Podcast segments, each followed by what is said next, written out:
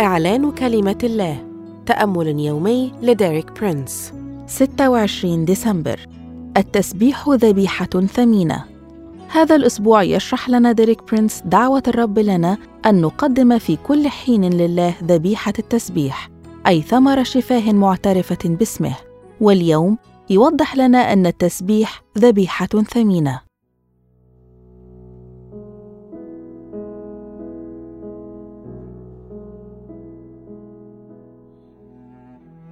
دعونا ننظر إلى شاهد من سفر الأمثال يشرح أهمية ما ننطق به بأفواهنا حيث يقول في الإصحاح الثامن عشر العدد 21 الموت والحياة في يد اللسان وأحباؤه يأكلون ثمره.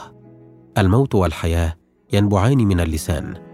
عندما نتذمر أو عندما نتخذ موقفا سلبيا وننحصر في ذواتنا تجلب لنا ألسنتنا موتا.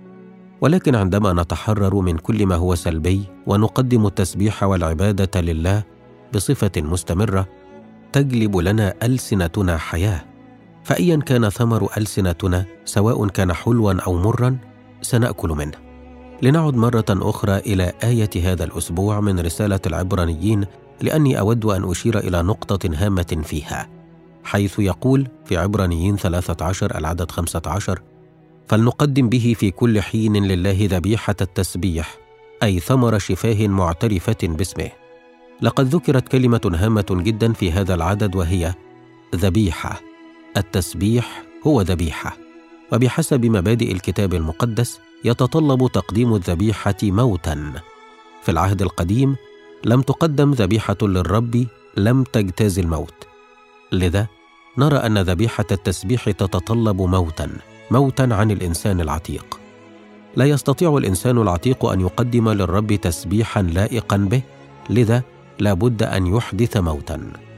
مجددا نعلم جميعا أن تقديم ذبيحة يتطلب دفع ثمن وبالتالي التسبيح أيضا أمر غال. دعونا نصيغها هكذا.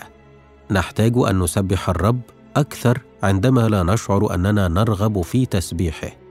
التسبيح لا يعتمد على مشاعرنا إنه ذبيحة أرواحنا.